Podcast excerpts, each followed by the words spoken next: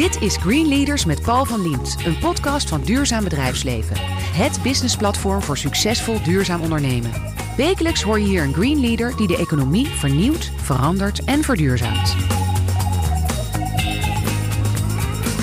Robin Berg startte WeDrive Solar. Deze elektrische deelauto op zonnestroom levert stroom terug aan het elektriciteitsnet. Hij ontwikkelde ook de noodzakelijke laadpalen. Zijn missie: schone mobiliteit toegankelijk maken voor iedereen. Robin, welkom. Goedemorgen. Ja, veel ondernemers starten klein. Hè? Dat is ook het verhaal. Dat wordt ook vaak verteld. Dat is heel verstandig. Jij ontwikkelde de laden voor elk type elektrische auto. En meteen in samenwerking ook met Renault. Willem-Alexander eh, was er ook bij bij de feestelijke lancering. Dan denk je, hoe kan dat? Hoe krijg jij dat wel voor elkaar? Nou, het was eigenlijk de samenwerking van partijen die het mogelijk maakten. We hadden het idee al uh, vijf, zes jaar geleden. Um, steeds meer partijen haakten erbij aan. Gemeente, provincie, uh, andere bedrijven. Uh, de netbeheerder, autobedrijven. Eigenlijk waren steeds meer partijen geïnteresseerd van hoe kunnen we dat idee tot werkelijkheid brengen. En ook uiteindelijk daarna opschalen. Nee, dat snap ik. Maar, nou, maar je, je doet het voor de, vanzelf gaat. Maar dat is nou net de moeilijkste stap. Hè? Want ja. we weten dat 95% van die start-ups, daar gaat het helemaal mis mee. En ja. alle aandacht in het begin eh, om anderen warm te maken is heel erg lastig. Waar, zat het onderscheidende in voor alle andere partijen om met jullie in zee te willen? Nou, het gaat om het idee. Hè? Je, het, het, het, idee, daar, daar geloven toch best wel veel mensen in. Van die autobatterij, dat is een enorm ding. Die hebben we natuurlijk nodig om mee te kunnen rijden op een duurzame manier. Um, maar die auto staat, ook al is het een deelauto, nog steeds heel veel tijd stil. Als je die autobatterij dan voor een ander doel kan gebruiken, en dat is eigenlijk de energietransitie uh, versnellen en die verduurzaming uh, mogelijk maken, dan uh, krijg je eigenlijk best wel veel handen op elkaar. Ja, want op zichzelf de woorden verduurzaming, energietransitie versnellen, ik gebruik ze ook altijd. We ja. doen het allemaal, maar daardoor worden het een beetje holle termen. Containerbegrippen moeten we maar uitkijken. Ja. Maar het gaat om een hele logische redenering die erachter zit. En die ja, meteen moet aanslaan. Precies. En, ja, en de kracht van dat idee, dus dat je zonne- en windenergie, waarvan we weten dat het schoon is, maar waarvan we ook weten dat het niet altijd is, dat je die altijd beschikbaar kan maken door iets wat je ook al weet dat er is. Namelijk heel veel elektrische auto's die stilstaan. Um, ja, dat is eigenlijk 1 plus 1 is 3. Ja. Zonder, weet je, iedereen kan zich dat voorstellen. Nou, dat is een goed idee. Het enige wat we moeten doen is die boel aan elkaar knopen door slimme techniek en uh, slimme systemen. En uh, daar zijn we in gaan investeren om dat te ontwikkelen. En daar wordt eigenlijk iedereen enthousiast van. Natuurlijk, maar we weten ook dat, de, want het is een simpel idee, maar dat de simpelste ideeën vaak de beste ook zijn. Alleen, hoe hou je het stil? Hè? Want uh, iemand, je kan het ergens tegen iemand vertellen. Je zegt met enthousiasme, dit wil ik beginnen, een aantal jaar geleden. En een ander denkt, nou leuk Robin, en die gaat naar huis en die gaat het voor zichzelf neerzetten. Ja, Waarom maar, was je zo zeker dat dat niet kon? Nou, maar dat, ik, dat was juist niet mijn angst, zeg maar. Um, ik wilde juist dat dat, gaat, uh, dat, dat, dat ging gebeuren. Sterker nog, het idee was niet eens van ons. Um, het was de Japanse overheid die uh, na de Fukushima-ramp in Japan... Uh, alle Japanse autofabrikanten fabrikanten verplichten om die techniek al in hun auto te stoppen. Het enige wat wij toen hebben gedaan is die Japanse techniek naar Europa halen als eerste. En kijken van nou, dat is leuk. In Japan gebruiken ze het als noodvoorziening voor als die kerncentrales weer uitstaan. In Europa willen wij diezelfde techniek gebruiken als uh, opslag van duurzame energie. Maar plat gezegd, heb je de techniek gewoon gejat uit uh, Japan en, en legaal gejat of niet? Nee, we, we hebben hem gewoon, we hebben dat netjes met Nissan, uh, Nissan gedaan. Van zullen we dat, als, zullen we dat in Europa op die manier doen? Ook financieel netjes gedaan? Ja, gewoon allemaal afgerekend met zijn napaaltje gekocht, auto gekocht en, en laten zien dat het werkt. Um, dat was een Europese primeur. Uh, maar vervolgens hebben we wel gezegd van jullie Japanse techniek is mooi, maar uh, alle Europese auto's uh, en ook Amerikaanse auto's die praten die techniek niet. Dus kunnen we iets maken wat met alle auto's werkt. Nou, en daar zijn we met de netbeheerders over gaan praten, met gemeenten, met Renault, andere autofabrikanten. Ja, hoe ging het met Renault? Het verhaal is toch dat Renault niet jullie naar Renault stapte, maar Renault naar jullie stapte? Ja, Renault kwam bij ons langs omdat wij een laadpaal hadden die heel snel auto's kan laden en al voorbereid was op dat ontladen. En die zeiden, dat is nou eens erg interessant, want wij hebben een auto die kan op diezelfde laadpaal heel snel laden. En wij willen dat die in de toekomst ook snel kan ontladen. Ja. Dus we hadden heel snel een match. Um, en Renault Nederland uh, was dat. Die zijn vervolgens naar Frankrijk gegaan en gezegd, we moeten deze meneer helpen. Uh, kom op aan de bak. En daar reageerde het hoofdkantoor in Frankrijk positief op. En uh, vervolgens kwam ook nog de koning toen al voorbij in, in Parijs. Dus dat hielp ook nog. Dat was een soort toeval met die koning? Of was het gewoon ja, zijn hele netwerk dat hierop in had gespeeld en nee, zei hier moet je bij zijn? Nee, er was een economische missie al gepland. Uh, dat was toen ook na de aanslag in Parijs. Dus de koning was oh, er, ja. dat was al een volledig gepland bezoek. Geluk bij een ongeluk. En uh, Renault stond daar op het, al op het programma dat, uh, dat daar wat handen geschud zouden worden. En dat handenschudden is vervolgens, daar zijn wij ingefietst met ons plan.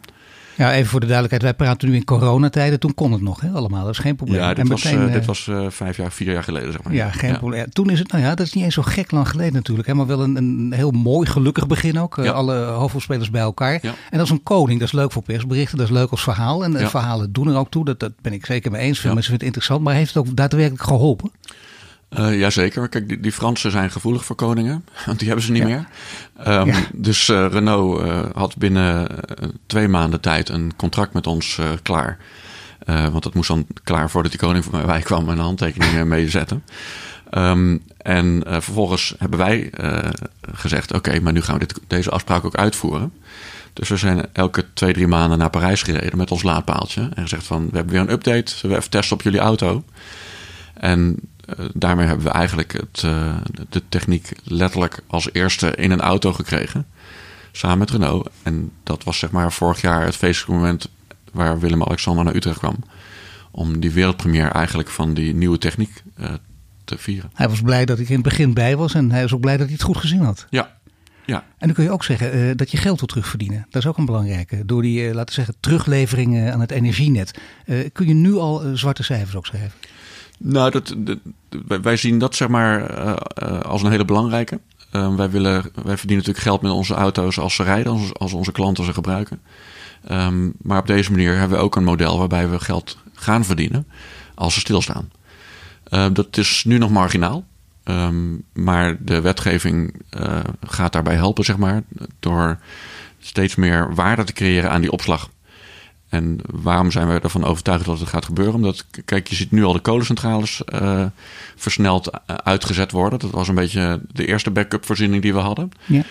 Um, vervolgens zullen ook de gascentrales uh, op een, na een tijdje ook uit moeten.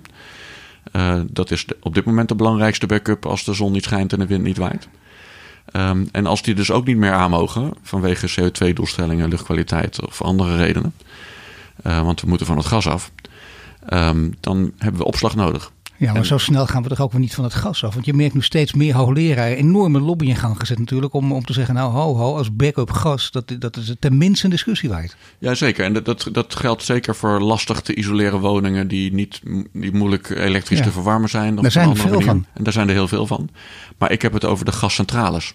Ja. De centrale jongens die de elektriciteitsvoorziening ja. in de lucht houden. Um, en die kun je heel makkelijk uitzetten als er een alternatief is. Dat alternatief wordt uh, op dit moment gebouwd. Elk jaar komt er een enorm windpark in zee bij. Elk jaar plaatsen we uh, miljoenen zonnepanelen bij in dit land. We staan inmiddels in de top drie uh, in Europa van aantallen nieuwe, nieuwe geplaatste zonnepanelen. On, ondanks dat we een klein landje zijn. Um, we hebben een inhaalslag te maken, die maken we nu op het gebied van de opwekking. Um, en dan vervolgens hebben we de duurzame energie, alleen soms niet op het goede moment. En dan heb je dus opslag nodig. En dat, die heb je in twee vormen. Seizoensopslag om de winter door te komen. Dat kun je het best op de Maasvlakte regelen. En korte termijn opslag. Uh, oftewel, s ochtends, s avonds, middags en s'nachts de boel op elkaar afstemmen. En ook is simpel en goed logisch bedacht. Die auto's staan heel lang stil. Doodzonde. En kijken hoe we ze kunnen gebruiken om die reden. Exact. En voor die korte termijn opslag zijn batterijen eigenlijk de beste vorm van, eh, van opslag. Die batterijen worden heel snel goedkoper, duurzamer, efficiënter, lichter, compacter.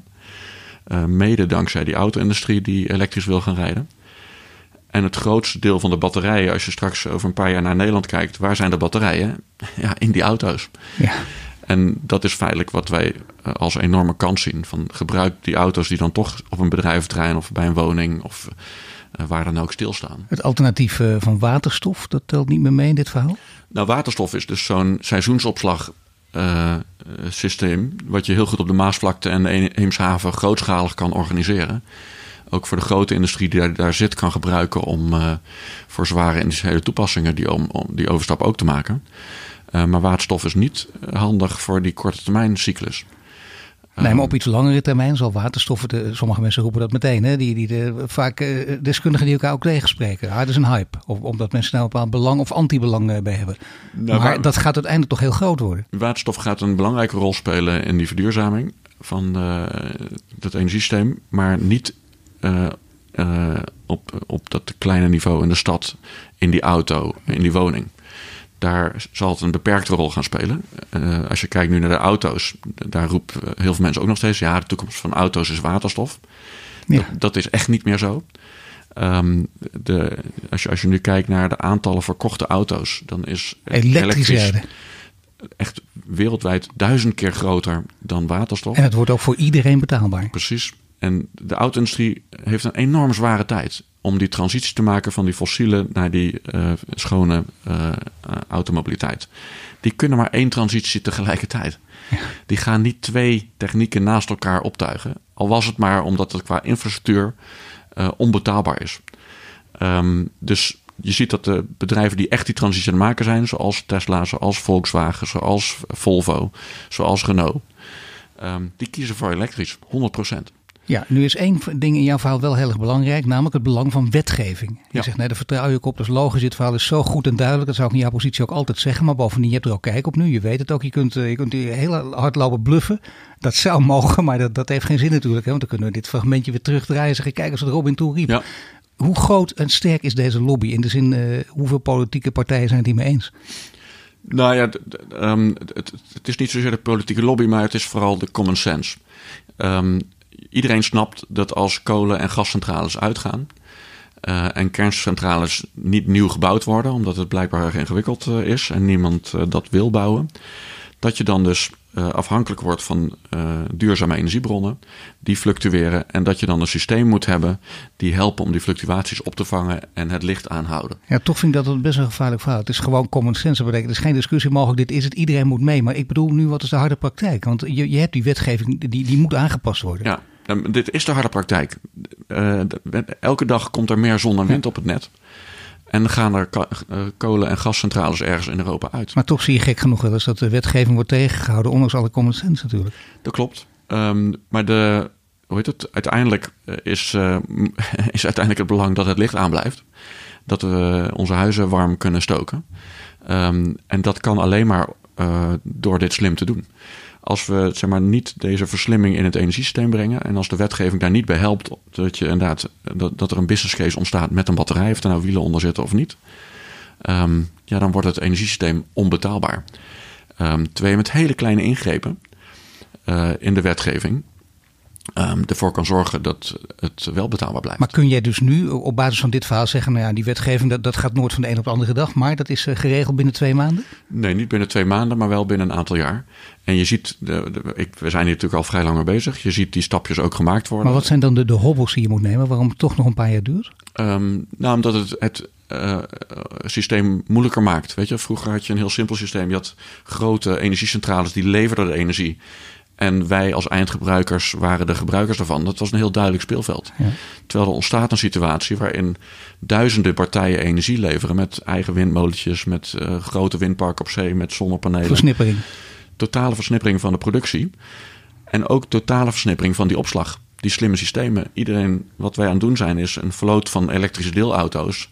Als een soort van één grote virtual power plant, zoals het dan zo mooi heet aanbieden aan het energiesysteem om daar vervolgens eh, het systeem mee te verduurzamen en zelf ook nog uh, wijzer van Jij te hebt het al diep doordacht ook en, een aantal mensen om jou heen natuurlijk ook. En daar kun je dat ook zeggen natuurlijk. En dit verhaal zou vertellen. Ik probeer me er ook steeds in te verdiepen. Maar er moet wel iets in de breinen om. Dat denk ik ook om die wetgeving helemaal voor elkaar te krijgen. Ja, maar je ziet tegelijkertijd, en, en, en dat, daar helpt dan Europa toch wel echt bij.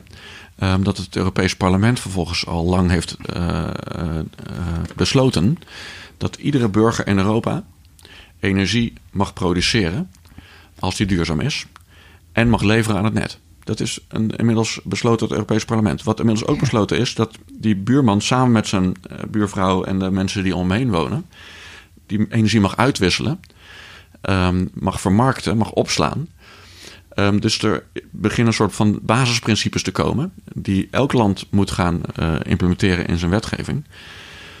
Wat dit uh, wat de randvoorwaarden eigenlijk schept van dit slimme systeem. Mooi dat je dit zegt, want er was ooit een grote uh, Indiase denker, die leeft nog steeds. Die man heet uh, Amitav Ghosh en die zei een jaar of zes, zeven geleden in een interview... als er iets moet gebeuren op het gebied van verduurzaming of klimaatverandering... even los van de terminologie die we erop zetten... Ja. dan moet het uit Europa komen. En ik herinner mij nog dat veel mensen zeiden... flauwekul, wat een onzin, houd toch op. En had hij allerlei hele goede argumenten voor. Ja. Bijvoorbeeld dat de bevolking in Europa het hoogst opgeleid is in de hele wereld. Dat helpt al enorm. En nu blijkt het ook bewaarheid. Ja, en, en kijk, Nederland is toch een soort van OPEC-landje. We hebben het grootste, ja. uh, een van de grootste oliebedrijven ter wereld binnen onze uh, landsgrenzen. En we zijn er ook afhankelijk van. Uh, met al de, alle gasvelden en de energievoorziening. Um, en daardoor bewegen wij relatief langzaam. Net zoals Duitsland relatief langzaam beweegt met, het, met elektrische auto's. Ik bedoel, ja. er worden in Nederland bijna evenveel elektrische auto's verkocht als een, als een heel Duitsland. Ja. Gelukkig binnenkort niet meer. Um, maar dat komt omdat wij dat veel actiever kunnen stimuleren, omdat we geen eigen auto-industrie hebben. Um, maar met die olie en die uh, oliebedrijven binnenboord is het voor onze wetgeving redelijk lastig om te snel daar afscheid van te nemen, omdat die belangen groot te groot zijn en die invloed te groot. Maar Europa kan dat wel besluiten. Europa kan wel zeggen: um, gij mag uw e-, eigen energie opwekken, delen met uw buurman en daarmee feitelijk ja. um, de macht van de grote oliebedrijven, energiebedrijven, um, terugbrengen tot, uh, ja, u bent ook een partij, uiteraard. En voorlopig hebben we nog wel even nodig. Nee, maar die bedrijven zullen, die denken ook, die gaan natuurlijk met je samenwerken. Dat is altijd zo. Ja, die moeten die omslag dus nu versneld maken, omdat de wetgeving dat gaat afdwingen. In welke steden zien we nu terug in Nederland? Um, Dit systeem? Nou, wij zijn uh, natuurlijk begonnen in Utrecht, uh, omdat wij daar zelf gevestigd zijn. Ja. Maar ook omdat Utrecht voor ons uh, de juiste partner is als gemeente. Ze hebben ons idee eigenlijk al voordat we die laadpaal bij ons uit Japan hadden gehaald, al omarmd. Ze hebben ons volgesteund, dus enorm belangrijk. Um, om ook te laten zien, we willen dit, als, als dit gaat lopen, ook in de stad opschalen. Dat gebeurt nu ook. Utrecht wordt de eerste bidirectionele stad ter wereld, zoals we dat noemen. Oftewel de eerste stad die met uh, uh, 10.000 deelauto's de volledige energievoorziening. En nog even dat geweldige woord, bidirectionele? Bidirectioneel, ja, dat betekent dus dat, dat, uh, dat, dat, je dus kan laden en ontladen met je auto. Zo zeg. Ik heb een bidirectionele auto. Ja, die, de buurman de ogen uitsteken. Precies, ja. Ja, ja. ja daar verdien je dan geld mee. Maar in Utrecht eh, bestaat het, maar waar nog meer dan in Nederland? Welke, welke steden nog meer? Nou, wij zijn inmiddels ook begonnen in Amsterdam uh, met We Drive Solar. In Arnhem zijn we vrij recent gestart met een grote groep enthousiaste bewoners. In Zoetermeer werken we met de gemeente samen. Uh, we hebben projecten in voorbereiding in alle grote steden in Nederland. Voornamelijk in nieuwbouwwijken gaan we heel veel dingen doen de komende tijd.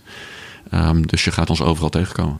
We zijn gewaarschuwd. Je hoort Robin Berg van We Drive Solar. En straks praten we verder over zijn ambities. Maar eerst hebben we het over duurzaam leiderschap en ook over zijn persoonlijke drijfveren.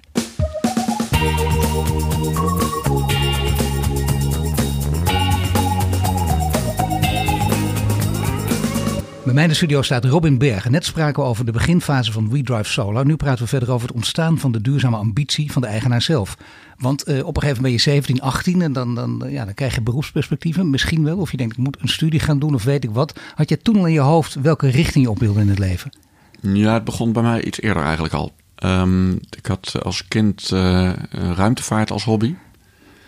En um, dat is een eenzame jeugd, uh, lijkt mij dan. Nee, nee, nee, nee, nee, zeker niet. Nee, het was een hele actieve ruimtevaartclub okay. uh, in, uh, in Os, waar ik woonde. Nee, maar niet en ik was daar voorzitter van toen ik twaalf was of zo, denk ik. Is dat van de familie Marijnissen? Die, had er ook mee te maken of niet? Nou, niet echt. Nee, die waren nee, erop tegen? Nee, nee hoor, in het geheel niet. Nee. nee. Maar ik had wel wat kritische familieleden die vroegen van ja, die ruimtevaart, wat levert dat nou op? Behalve leuke vluchten van de Space Shuttle, die toen, toen veel aandacht trok altijd dit soort barrières opwerpen, ja, die families. Ja, ja, ja. maar dat is toch, uh, dat, dat, heeft ook een functie. Want ik ben vervolgens een, een, werkstuk gaan schrijven over het nut van de ruimtevaart.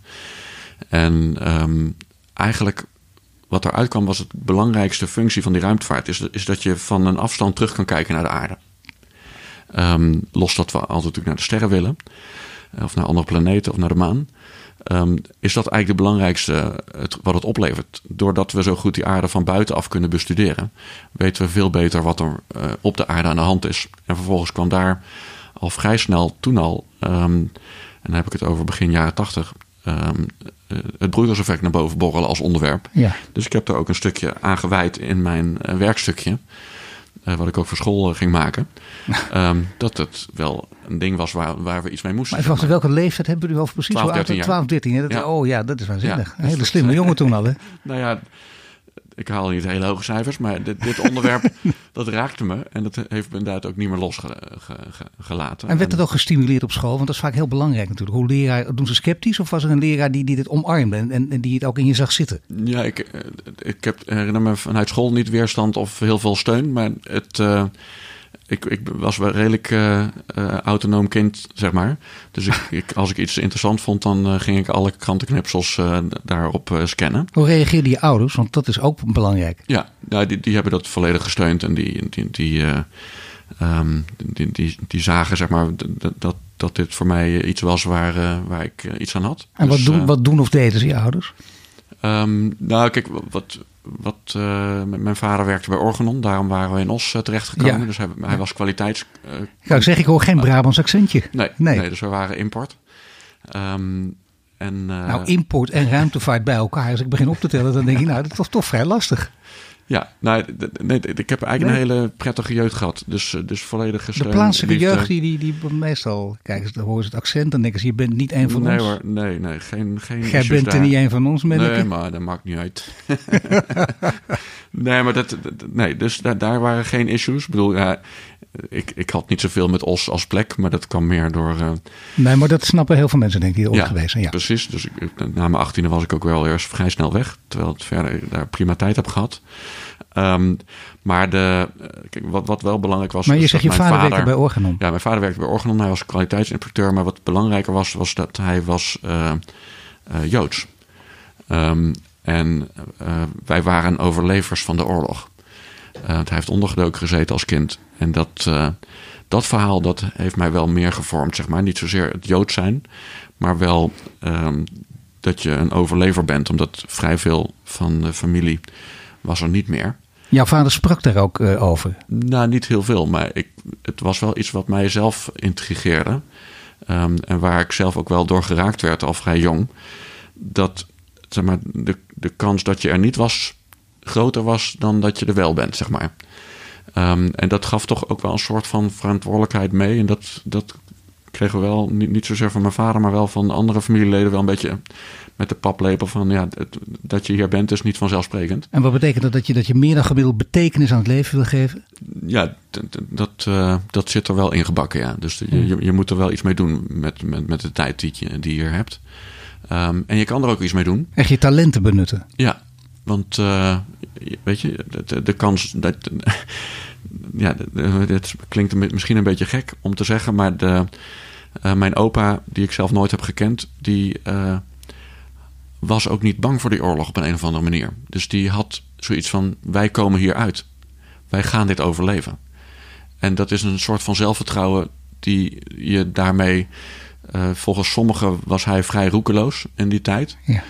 Um, maar dat betekent dus dat je uh, meer dan gemiddeld risico's wil en kan nemen. Dat doe jij ook. En uh, dat past wel bij het ondernemerschap wat we doen dat je gewoon projecten gaat doen die misschien voor anderen zijn. Denken van, wat ben jij nou aan het doen joh? Houd toch op. Um, maar waarbij je toch zegt van ja, ik ga het gewoon doen omdat ik erin geloof. En, um... Nou, dat zelfvertrouwen zit er ook wel in bij ja. jou. Dat merk ik gewoon. Dat is heel belangrijk. En mensen zouden die echt moeten zien nog. Want je praat er heel relaxed over. En het is gewoon, dit, dit is duidelijk wat je weet. Je laat je niet gek maken door anderen die er allerlei dingen op tegen hebben.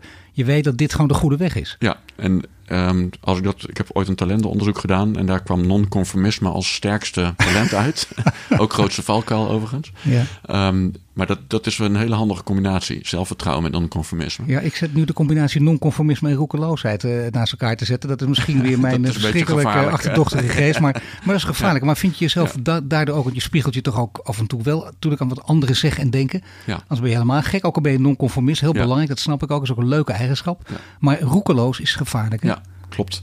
Nee, dus ik, zeker. Ik, ik luister goed naar wat andere specialisten en experts zeggen. Want ik, ik, weet je, ik, ik ben geen expert op het gebied van automobiliteit. Ook niet expert op het gebied van energie. Ook niet expert op het gebied van batterijen. Nee, je ging sociale geografie studeren. Precies. Dus het is eigenlijk uh, goed luisteren en kijken naar wat, uh, wat er wel kan. Uh, dus weet je, een, een Elon Musk die uh, heel duidelijk stelling neemt. Um, maar ook uh, Bloomberg Energy, die heel duidelijk analytisch weergeeft wat er mogelijk is met elektrisch rijden, met duurzame energie. Ja, maar Elon Musk daarna met de Tesla merk je dat, dat het een andere manier van denken vergt. En dat hij ja. zelf ook in de war raakte. Ja. Bijna om de twee weken wat anders moest gaan denken. En dat ook deed trouwens, hij zijn koers ook aanpaste. Ja, maar de, basis van zijn verhaal is zeer cons, cons, consistent. Zeg maar hij heeft inmiddels 15, bijna 20 jaar geleden een missiestatement opgeschreven van dit gaan we doen. En hij is het nog steeds aan het uitvoeren alsof hij uh, net begonnen is. En um, dus die visies uh, die zijn goed te vinden. Ze zijn ook goed onderbouwd. Uh, niet alleen door de gelovigen, maar juist ook door de specialisten. En dan bedoel ik de specialisten die niet betaald worden om iets te roepen, maar de specialisten die alle data verzamelen en zeggen van ja. De zuivere wetenschappers. Ja, maar, maar, maar ook de economische specialisten. Weet je, een Bloomberg Energy. Zijn ook wetenschappers toch? Dat zijn wetenschappers en die worden ook ingehuurd. Maar die hebben ook een hele duidelijke taak aan zichzelf gegeven. Om een analyse te maken van is er genoeg grondstof in deze wereld om de hele wereld op elektrische auto's te laten rijden. Nou, er zijn wel een paar uitdagingen, maar in principe kan het. Um, kan dat financieel, kan het economisch? Um, en dat dus ook alle Chinezen aan de elektrische auto. Ja, die slaan gewoon een stadium over en dat is uh, allemaal de auto, maar dan pakken ze de elektrische auto. Ja, die Chinezen gaan het hardst van allemaal. De helft van alle elektrische auto's worden geproduceerd en ge, ge, gekocht in China. Ja, maar daarom, dat, is, bedoel, dat, is, dat kan dus gewoon, die fase overslaan. Als je in, in, in de veel derde wereldlanden zag van, uh, dat je gewoon uh, meteen naar de mobiele telefoon Precies. doorgaat. Ja, en dat zie je nu ook met energie. Ze gaan daar geen grids meer aanleggen. Ik bedoel, Nederland heeft een van de beste netten ter wereld. Um, en dat is heel uh, functioneel en heel uh, handig voor ons. Tijdens jouw studie, want daar waren we even gebleven, sociale geografie, ontwikkelde zich een beroepsperspectief? Of dacht je meteen, ik als non-conformist met een beetje roekeloze inzet die, die, die wil ondernemer worden? Nou, ik merkte wel vrij snel dat ik het studeren me niet echt uh, lag, zeg maar. Dus ik zat tijdens het tweede jaar van mijn studie zat ik al in de universiteitsraad als jongste lid ooit uh, toen. Dat past wel. En dat, dat, dat was al redelijk activistisch in die zin dat ik meteen me ging bemoeien met de bedrijfshuisvesting van de universiteit en vond dat we op uh, kringlooppapier moesten overstappen um, als universiteit. En, de, en vervolgens ben ik vanuit daaruit um, uh, terechtgekomen in de jongerenbeweging die zich, uh, die zich toen aan het organiseren was op het gebied van duurzaamheid. Dat, toen was ja, toen de eerste VN-conferenties op dat onderwerp. Um, daar ben ik toen mede een van de oprichters van geweest. En vervolgens uh, ben ik inderdaad met die studie gestopt en ben ik uh, stap voor stap uh, zelfstandig ondernemer geworden. En dat, um, ja, ik, ik bleek dus een, niet iemand te zijn van boeken, maar van doen. Ja, terwijl heel veel mensen ook zeggen, ondernemers, het is heel verstandig om ook een, een wetenschappelijke opleiding daarnaast te hebben en ook heel veel boeken te lezen juist. Ja, ja dat klopt. Maar ik ben toch iemand die dan toch liever de samenvatting leest en niet het hele boek omdat ik, uh, ja, ik ben daar toch iets ongeduldig voor blijven. En dan vervolgens kom je in die duurzaamheidswereld terecht. Kijk, en dan krijg je dus een, een, soort waterscheiding. Want dan heb je aan de ene kant degene die, zoals, zoals jij nu praat en denkt ook. Hè, het gaat om de, om de analyse. Het gaat om wat echt zo is. Weten hoe het zit. En, en, en zo tot een nieuwe wereld kunnen komen. Ja. En aan de andere kant, uh, ja, misschien degene met, met het plank voor de kop. Die vaak ook dingen voor elkaar krijgen. Maar die wel nadrukkelijk idealistisch zijn. En nadrukkelijk het woord groen met hoofdletters op het voorhoofd hebben geschreven. Ja, nou, kijk, idealistisch ben ik wel, want uh, ik zie ook de noodzaak van en de urgentie van uh, de, de, zaken die aangepakt moeten worden. Um, dus uh, in die zin heeft Greta mijn volledige steun. Ik herken me veel in haar verhaal, want toen ik 12, 13 was, had ik ook zoiets van uh, volgens mij moeten we sneller. nou ja, zij is degene voor de. Voor de, ze is heel belangrijk als het gaat over de awareness. Hè? Moeten we even ja, lelijk Engels te zeggen, maar daar begint het mee. Maar ja. dat is nog geen ondernemer, in nee. tegendeel. Nee, en, en, en de, de, de oplossingen, zeg maar. En, en dat is wel iets waar, waar wij wel uh, een, een, uh, een, een, duidelijk beeld bij hebben. Die moeten um, makkelijk geaccepteerd kunnen worden. Dus waar veel van onze collega's deelauto's neerzetten die uh, heel schattig en lief en uh, compact zijn, kiezen wij voor een product wat um, gewoon autorijders verleidt tot het afscheid nemen van hun eigen auto. Ja, een mooie auto waar je trots op kan zijn. Ja, Design. Dus, ja, Mag allemaal een rol spelen. Precies. Het, het, feitelijk moet het een beter product zijn dan wat je hebt. En in die verbetering tegelijkertijd een volledige verduurzaming uh, inhouden. Ja, niet van alle plezier weg consuminderen en uh, met een zagrijnige kop door het leven gaan we wel roepen, ik sta aan de goede kant. Precies. En dat is uh, feitelijk ook, ehm, en nou, ik noemde net Elon Musk al, waardoor we dichtbij ook zijn verhaal blijven. Hij heeft een auto gemaakt die op alle fronten beter is dan elke fossiele auto die er rondrijdt. En um, sommige dingen zijn onzinnig, weet je, dat je in, de, in 2,5 seconden naar 100 km per uur kan. Um, nou, dat is toch leuk. Dat, dat slaat nergens juist, op, nee, maar het toch. is wel precies wat, wat eh, in, in, welke hoek het product wil zitten. Want daarmee onderscheid je op, op de juiste uh, dingen die voor autorijders inderdaad van belang zijn. Dus heel veel autorijders kopen nu zijn auto en niet meer een fossiele racewagen. Um, En uh, versnellen daarmee in één keer die mobiliteitstransitie. Ja, maar hier gaat het ook om. Je wil gewoon, dat, dat is groot denken toch ook. Je wil gewoon dat iedereen eraan gaat. En ja. je wil niet een bepaalde denkwijze alleen maar opleggen. Nee, klopt. Dat is een groot verschil, ja. Zo ja. zit jij ook in elkaar. Ja, dus ik vind ook dat, dat je feitelijk mensen die zeggen van... oké, ik maak die stap naar verduurzaming... die moet je belonen met een, een, een, een uh, mooier product dan ze eerst hadden. Maar je hebt nu een bedrijf. Hoe, hoe groot is je bedrijf waar je leiding aan geeft? Um, nou, wij werken niet met eigen personeel. Wij werken met een uh, vijftigtal uh, professionals in diverse uh, ja. andere bedrijven. dat zijn eenpitters tot grote autobedrijven waar, waar, waar, we dat samen mee doen. Dus we werken echt als een netwerkorganisatie. Maar dat werkt voor ons heel erg prettig, omdat we daarmee heel snel kunnen groeien en ook snel kunnen uh, aanpassen aan omstandigheden. Maar dan ben je wel degelijk een duurzaam leider. Hè? Dus als wij hier in de Green Leaders ook op zoek zijn naar een definitie. Ja. Maar dan wel ook weer inderdaad van de non-conformistische soort. Dat maakt het weer zo mooi. Hoe, hoe, hoe, hoe zou jij definiëren? Wat, wat is voor jou duurzaam leiderschap? Voor mij is het um, uh, heel duidelijk keuzes maken in dit doen we wel, dat doen we niet. Dus we doen wel uh, elektrisch, we doen wel gedeeld, we doen wel slim. We doen uh, geen waterstof, we doen geen uh, kernenergie, we doen geen. Dus heel duidelijk laten zien welke keuzes je maakt. Daar vervolgens een product in definiëren van en dan gaan we dit op de markt brengen. En, maar dit wel allemaal van bovenaf uh, top-down? Nee, samen met al die partners. Dus we werken met enorme veel partijen, bedrijven, overheden samen om dit georganiseerd te krijgen. Top-down um, werkt gewoon niet. Is dat de reden? Het gaat natuurlijk wel nee, sneller. Het, Kijk naar China. Ja, maar, ja, maar top-down... Um, ik noem het, noem het liever um, coalition of the willing. Dus je doet het samen met partijen die zeggen van... oké, okay, jij maakt die keuze en ik ga erachter staan. Dus het is niet zo, je legt... Top-down klinkt, klinkt alsof je iets oplegt. Terwijl ik zoek gewoon mensen die zeggen van... Wat, jouw idee, dat is zo fantastisch.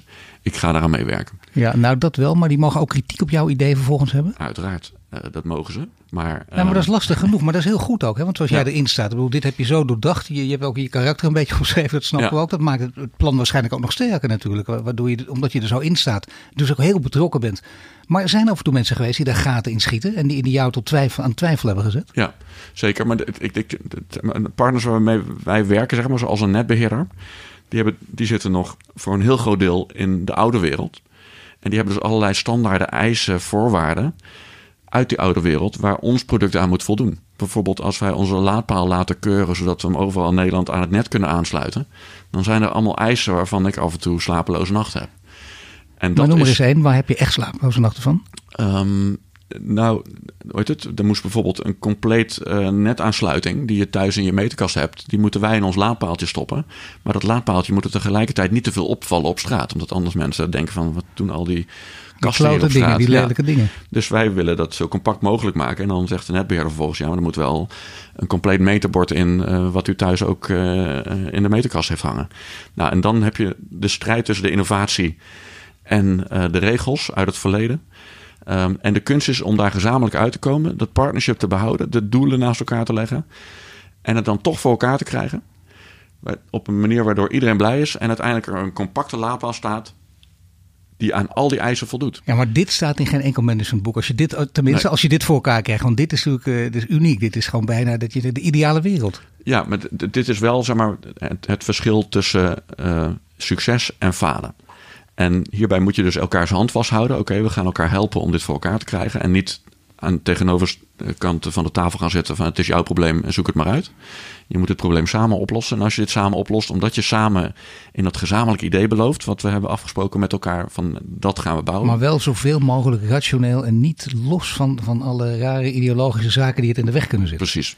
En dan kom je daar vervolgens uit. En wat heb je dan als resultaat? Dat Utrecht nu gewoon de eerste bidirectionele stad aan het bouwen is. Ja. Met laadpalen die overal ja, worden neergezet. Gezien, hè? Bidirectionele stad zeg. Dus, Kom op, hè. Daar ben je trots op. Hè. Waar woon je Auto, nou? Gewoon in de bidirectionele stad. De eerste van Nederland. Echt waar. Ja, ja. Dus, uh, daar, Kun je thuis toch niet meer aankomen? Wordt. Ja, dat nou, beter wordt, ja. Het, het, het, het is een tech... Zeg maar, bij professionals... Um, die worden hier warm van. En het klopt. Um, uh, marketeers niet. Echt, marketeers die, die weten dit echt beter. Sorry. Klopt. We gaan ook wel eens weten. Moet je, moet je naar de toekomst kijken? Is de, ja. Hoort dat ook bij, bij groen leiderschap? Echt, echt, uh, laten we zeggen, je kunt zeggen, het verschrikkelijke woord stip op de horizon, dan gaat het over twintig jaar. Dat is bijna niet te doen. Ja. Er komt altijd weer wat tussen. Een coronavirusje, noem maar op. Hè. Er zijn altijd dingen die je hele plan in de war gooien. Ja. Maar je wil wel naar de toekomst kijken, bijvoorbeeld vijf jaar vooruit. Is dat reëel, vind jij, in jouw manier van denken? Ja, ja. Nee, weet het, je bent nooit klaar. Je moet de hele dag fact-checking doen van klopt hetgene wat we bedacht hebben nog met wat, hoe, hoe de wereld zich ontwikkelt. En dat betekent je moet goed kijken naar wat er vandaag wordt gepubliceerd. Weet je, dus als een uh, autobedrijf in één keer roept we gaan toch waterstof doen. Um, dan moet je goed kijken wie roept dat. Wat is dat voor een autobedrijf? Hoe serieus is dat? Hoeveel auto's gaan ze maken in welke landen? Um, en nou, dus je, je moet continu blijven kijken: um, is, is het een wanhoopspoging? Of is het echt een verandering in, in de trend? Nou, uh, het zijn tot nu toe vooral wanhoopspogingen. maar je moet daar uh, elke dag waakzaam op blijven. Want ja, wij hebben een idee. Het gaat die kant uit. We denken, we zien steeds meer beweging een bepaalde kant uit die onze beweging en ons product gaat steunen. Um, maar ja, dat doet, niks ligt uh, vast. Aan het woord is uh, Robin Berg. Hij is uh, nou, gematigd uh, roekeloos. Hij is nonconformist. Hij houdt van bidirectionele steden. Gaat een nieuw woord bedenken. Hij is de eigenaar van WeDrive Solar. En net spraken we over zijn drijfveren. Straks praten we verder over de toekomst van duurzame mobiliteit.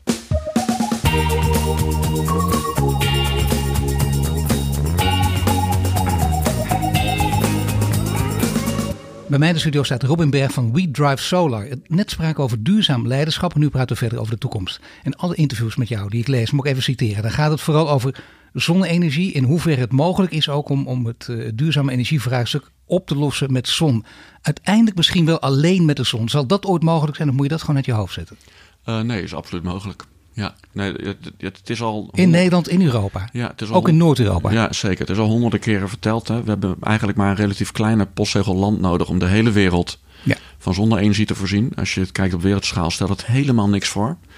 Um, die techniek van zonne-energie, die ontwikkelt zich al jaren op een tempo die uh, niet heel ver van de, de Moore's uh, uh, law afzet van de, de, de, de mini-processor, zeg maar.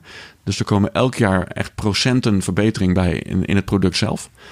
Um, ik heb zelf twintig jaar geleden mijn dak volgelegd met 40 zonnepanelen. Een van de eerste. Ja, ik was de eerste Utrechtenaar die meer energie produceerde op jaarbasis dan die verbruikte. Hoe, viel het in de wijk trouwens dat je dat deed? Uh, nou, geen probleem. Geen probleem. Ja, het, ik kreeg ruzie met mijn uh, energieleverancier, want mijn stand op de meter was aan het eind van het jaar lager dan aan het begin.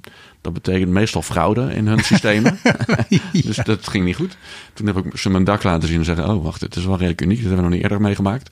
We gaan even u een slimme meter geven, want die terugdraaiende meter, dat, uh, dat, dat kan onze systemen niet aan. um, maar toen ik dat had gedaan, toen zag ik hoe je eigenlijk op een heel klein postzegeltje dak wat je hebt in de stad bijna genoeg energie kan produceren voor vier, vijf, zes huishoudens. Toen al met de toenmalige stand van de techniek van die zonnepanelen. Um, en inmiddels zijn die zonnepanelen vele malen beter geworden. Ik produceer tegenwoordig zes keer zoveel stroom. Ik heb mijn panelen twee jaar geleden vervangen. Op hetzelfde stukje dakoppervlak. Um, ja, maar je zegt het bijna vermoeid. Dit verhaal is al zo vaak verteld. En ja. dat begrijp ik ook. Degene die, daar diep, die dat diep doordacht hebben, dat ja. waargemaakt hebben zoals jij. Denk ik, kom op zeg, ik weet het. Hebben de anderen dan nog steeds niet in de gaten. Maar dat is bijna het verhaal van Europa 2005. Je kent de verkiezingsuitslag nog.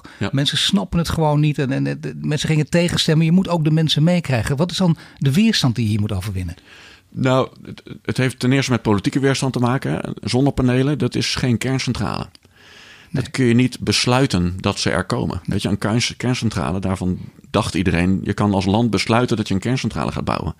Dat blijkt overigens helemaal niet zo te zijn, hè? want dan besluit je het en dan zet je het loket open. Van u kunt hier een kerncentrale bouwen. En dan komt er gewoon niemand langs die zegt van ja, dat wil ik wel. Ja. Weet je, dus dat is, is ook een soort van valse belofte. Uh, en met zonnepanelen, dat kun je niet besluiten. Je kan alleen maar subsidie geven en dan hopen dat mensen het gaan doen. En subsidie geven, dat vinden we niet leuk. Ondanks dat die kerncentrale ook heel veel subsidie nodig heeft. Um, nee, je wil gewoon geen gratis geld krijgen. Nee. En de, uh, alleen de, zonne, de zonnepanelen zijn van niemand. Ze zijn van iedereen. En dat maakt het ongrijpbaar. Dat maakt het ook oncontroleerbaar. Maar uh, het kan wel. En uh, als je eenmaal dus ziet dat het gewoon gebeurt. En zonne-energie het aardige daarvan is. Je kan het dus in elke schaal bouwen. Je kan drie paneeltjes op je schuur leggen. Maar je kan ook uh, uh, die centrale die nu naast de A1 gebouwd wordt, vlakbij Deventer. Die boer heeft zijn melkkoeien verkocht. En heeft zelf uh, een bedrijf opgestart samen met zijn dochters. En bouwt nu het grootste particuliere zonnepark van Nederland. Ja, de, no, de, Nokia onder de boeren wordt die genoemd. Hè? Nee, ja. maar dit, zijn, dit klopt en, ook. Ja, dat en, en, ja, en dan kun je, kun je nog over discussiëren van ja, wat is nou beter op dat weiland, die koeien of die zonnepanelen? Nou, gezien de stikstofcrisis uh, zou ik dat wel vrij snel weten. Ehm, maar dat is een keuze van een ondernemer die denkt van dit is toch de toekomst. En als een paar van dat ondernemers dat doen in Nederland, dan hebben we gewoon een, onze eigen energie. Ja, maar ik snap wel waarom het onder andere niet lukt. En dat vind ik gek dat jij het ook niet. Want kijk, eh, jij bent juist de man die zegt, eh, je, spiegelt je ook aan uh, nou ja, dan, dan de grote Tesla-man, aan Elon Musk. En kijk eens even, die houdt ook van mooi design. Dus hier ook, dat zie je vaak, hele grote, hier in de stad in Amsterdam, waar wij nu praten, zie je ook. Hè, hele grote panden, geen panelen. Nee, monumentaal en dat is lelijk die panelen. Gaat er niets moois bedenken designpanelen. En dan is dat weer geweldig. Dan willen mensen dat ook graag. Exact. En eh, we hoeven ook niet per se elk monumentale pand eh, te bedekken, want we hebben ook genoeg andere oplossingen. Um, maar zeg maar, de, dus de techniek maakt het gewoon mogelijk. Het is gewoon de wil um, uh, is er. Bij de burger of ook bij het bedrijfsleven? Dat bedrijfsleven geen grote stappen durft te zetten. Nee, het bedrijfsleven, het bedrijfsleven zet enorme stappen.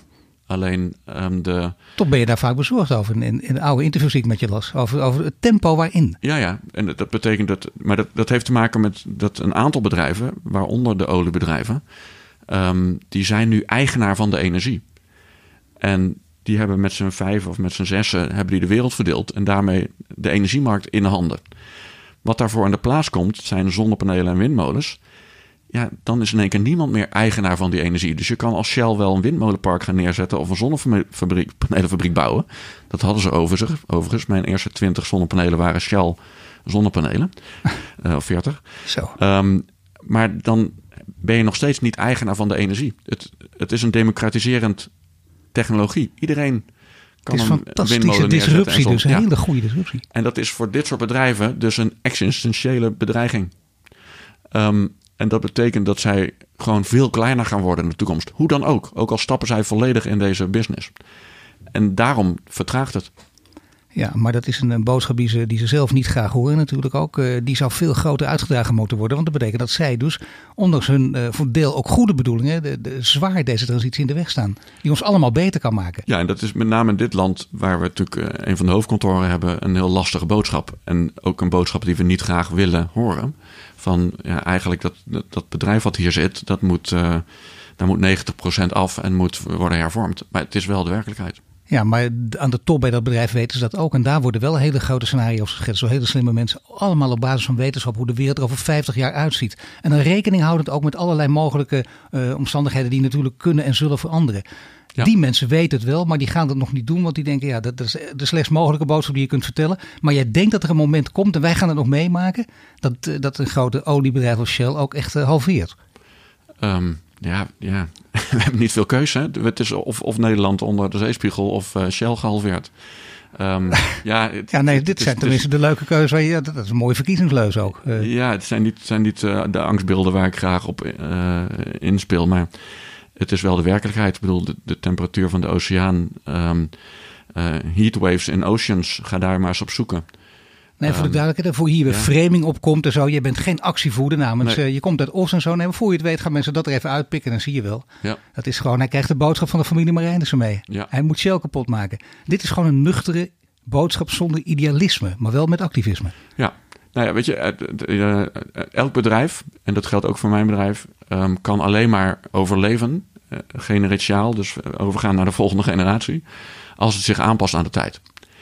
En um, dat is voor het ene bedrijf veel moeilijker dan voor het andere bedrijf. Je bent niet opgericht om alleen uh, te blijven voortbestaan. Nee, nee. En dat, dat betekent dat uh, dus juist die oliebedrijven, die moeten nu keihard om.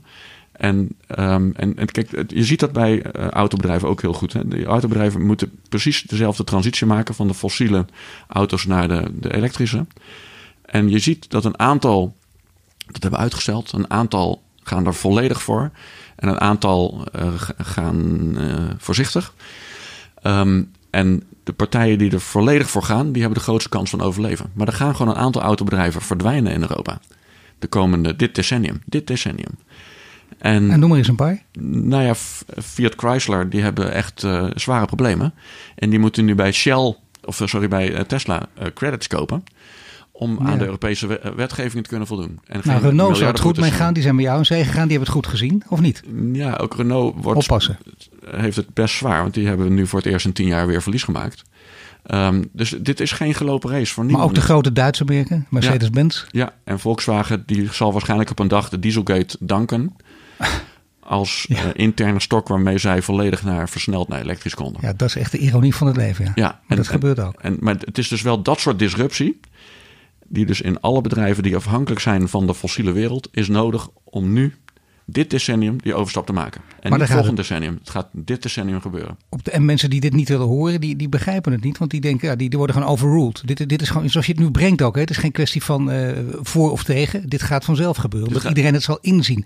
Dat Ja. is te makkelijk natuurlijk. Hè. Ik bedoel, dat, dat gaat met heel veel boodschappers die, die, die dachten gelijk te hebben, krijgen het dan toch geen gelijk. Ja. Je moet ook een manier vinden om, om hier iedereen letterlijk warm voor te maken. Ja, maar weet je, het, het aardige is dat de wereld waar we dit decennium naartoe gaan, is een betere wereld. Het is een mooiere wereld. Ik bedoel, de, de steden worden schoner, stiller, prettiger. ja, stille, coronavirus. Kom op zeg. Ja, maar, ja, maar- Iedereen is in paniek. Staat Ja, een maar- hamsteren. ja, maar dat, die, dat coronavirus staat Gaat wel vrij ver van deze transitie af. Eh, ik ben, ja, of het voorbij gaat, ja. dat- dat- Nou, ze zijn bezig met vaccins te ontwikkelen in ieder geval. Ja, ik, ben daar, daar, ik ga daar niks over zeggen, want ik weet er niks van. Eh, ik hoop dat het voorbij gaat. Ik bedoel, ik heb drie kinderen op drie verschillende scholen zitten. Ik krijg elke dag eh, tien mailtjes over de voortgang. Nou, we krijgen Dus, berichten in het ieder geval dat, eh, dat er vaccins ontwikkeld worden. ja, dat is al in ieder geval, dat mogen, daar mogen we baseren ons op de experts. Ja. Dus dat is heel wat. Maar dit zeg je, dit gaat er sowieso van komen. Het wordt ook een betere wereld.